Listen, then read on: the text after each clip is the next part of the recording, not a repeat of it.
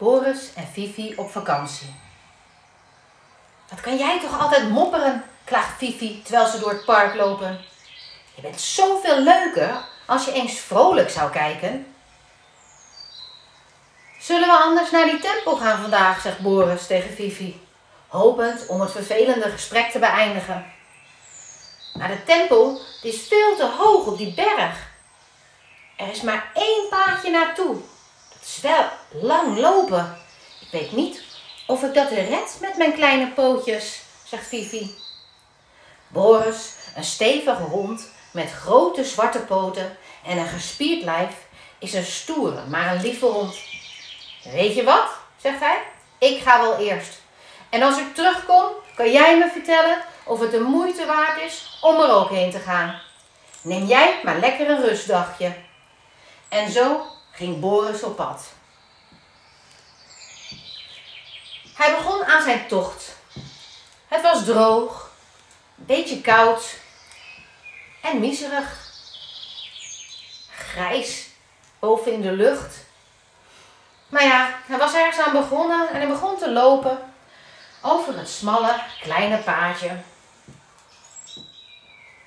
En hij liep en hij liep en hij werd toch wel een klein beetje moe. Hij begon ook wel honger te krijgen en hij baalde dat hij geen botje of iets te drinken had meegenomen. En hij liep en hij liep en zijn voeten begonnen steeds meer pijn te doen en hij kreeg koud. En bij overmaat van ramp begon het ook nog eens te regenen. Gadverdamme, werd hij ook nog eens een keertje nat. Zijn hele vachtje werd nat en ik kreeg het nog kouder. Glimmerend en glijend liep hij naar boven en helemaal uitgeput kwam hij eindelijk bovenaan die berg. Begon het ook nog eens te onweren. Vond het best als een beetje eng. Boris was niet zo gauw bang, maar nu, nu hij zo koud en nat was en honger had, vond hij het toch wel een beetje griezelig met zo'n rommelende lucht. Hij zag de tempel groots aan hem opdoemen. Hij zag een deur en dacht eindelijk kan het even droog worden en opwarmen. En hij probeerde die deur open te maken, maar hij kreeg hem niet open. En hij begon te trekken en te trekken. En uiteindelijk ging hij met een zwaai open. Hij liep naar binnen en de deur sloeg met een klap dicht. Het was. Hij zag geen hand voor ogen. En met een flits werd de ruimte ineens verlicht. En hij zag een hond staan. En het was weer donker. Hij schrok. En zijn staart tussen zijn benen begon niet te grommen. Want hij wist niet of die hond tegenover hem een lieve hond was. En er kwam weer een bliksemflits. En hij zag opeens duizenden honden naar hem.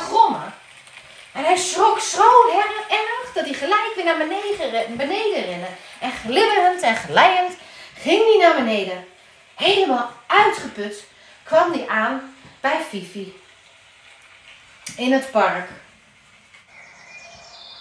Jeetje, wat is er met jou gebeurd, zegt Fifi. Wat is er aan de hand? Het was helemaal niet leuk, zei Boris. Het echt, ik werd, was zeiknat en het onweerde. En het was doodeng in die tempel. Er waren duizend honden die naar mij gromden. Het was zo eng, ik zou er niet naartoe gaan. Nou, zegt Vivi, dat zal toch allemaal wel meevallen? Hoe kan dat nou? Duizend honden in een tempel. Geloof je het zelf? Ja, echt waar hoor. Ik zou het echt niet doen. Maar Vivi, die dacht, ja, weet je, laat ik er nog eens een nachtje over slapen. Wellicht denk ik er morgen toch anders over. Na een goede nachtrust bedacht Vivi zich, ik kijk eerst eens even naar de weerberichten. Misschien is het wel mooi weer. Want als het regent, dan gaat het niet. En hij keek op de weerberichten en het was prachtig weer die dag.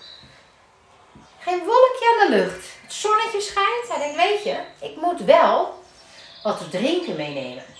En een lekker bordje voor onderweg.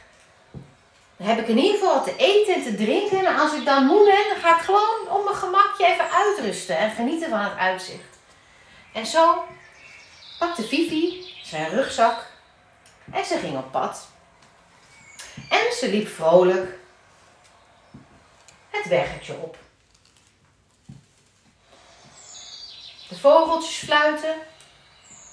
En hij dacht, weet je wat? Ik zet eens even een gezellig muziekje op. Is ook wel leuk.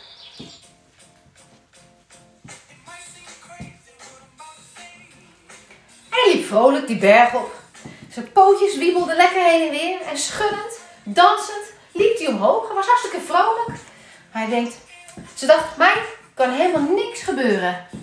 Muziekje aan, het zonnetje erbij, halverwege. Ga ik even lekker rustig zitten. Ik pak mijn bordje, neem wat te drinken en ik loop vrolijk verder. En uiteindelijk kwam Fifi ook bovenop de berg. Het waaide er een beetje. Want het was wel erg hoog. Maar voor de rest geen wolkje aan de lucht. Behalve wat wind. En ze nam eens even rustig de tijd om naar uit, van het uitzicht te genieten. Eens even kijken of ik Boris zie daar beneden. Maar ze zag alleen maar stipjes. En Boris was nergens te herkennen. Het was wel een prachtig uitzicht. Nadat uh, Fifi zo'n beetje had rondgelopen, kijkt ze om zich heen en ze ziet de tempel. Wauw, wat een prachtige tempel. Wat is die groot. Mooie gouden torentjes. Het glinstert helemaal in de zon. En dan ziet ze ook de deur. En ze gaat naar die deur, doet hem open, moet inderdaad een beetje wrikken en loopt naar binnen en met een klap gaat die deur weer dicht. Maar de zon die schijnt zo mooi naar binnen dat alles in het paleis, in die tempel prachtig is.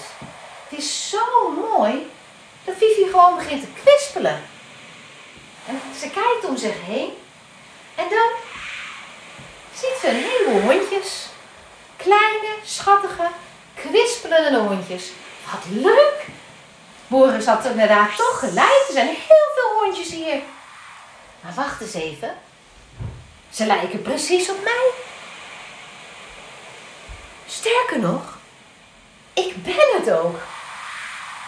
Even goed kijken. Ja hoor, het zijn duizend spiegels. Die Boris. Wat een mannerd. Hij keek gewoon naar zichzelf. Hij moet ook niet altijd zo zagrijnig kijken. Hij keek gewoon naar zichzelf in de spiegel. Zie je wel? Gelukkig ben ik gegaan. Want nu heb ik in ieder geval deze prachtige tempel kunnen zien. Laat ik maar weer naar beneden gaan. Dan kan ik Boris snel vertellen wat een sufferd hij is. En zo loopt Fifi vrolijk naar beneden en komt weer aan in het park. hey Boris. Mallert, weet je wat jij zag in die tempel? Je zag gewoon jezelf. Ik zei toch, je moet niet zo zagrijnig kijken. Die duizend honden die je zag, was gewoon jezelf. Het waren alleen maar spiegels. Boris werd er een beetje verlegen van. Nou, uh, wat zal ons volgende avontuur worden? Waar zullen we heen gaan? Nou, zegt Boris, Laat mij nog maar even genieten van het zonnetje in het park. Ik heb even voorlopig geen zin in een nieuw avontuur.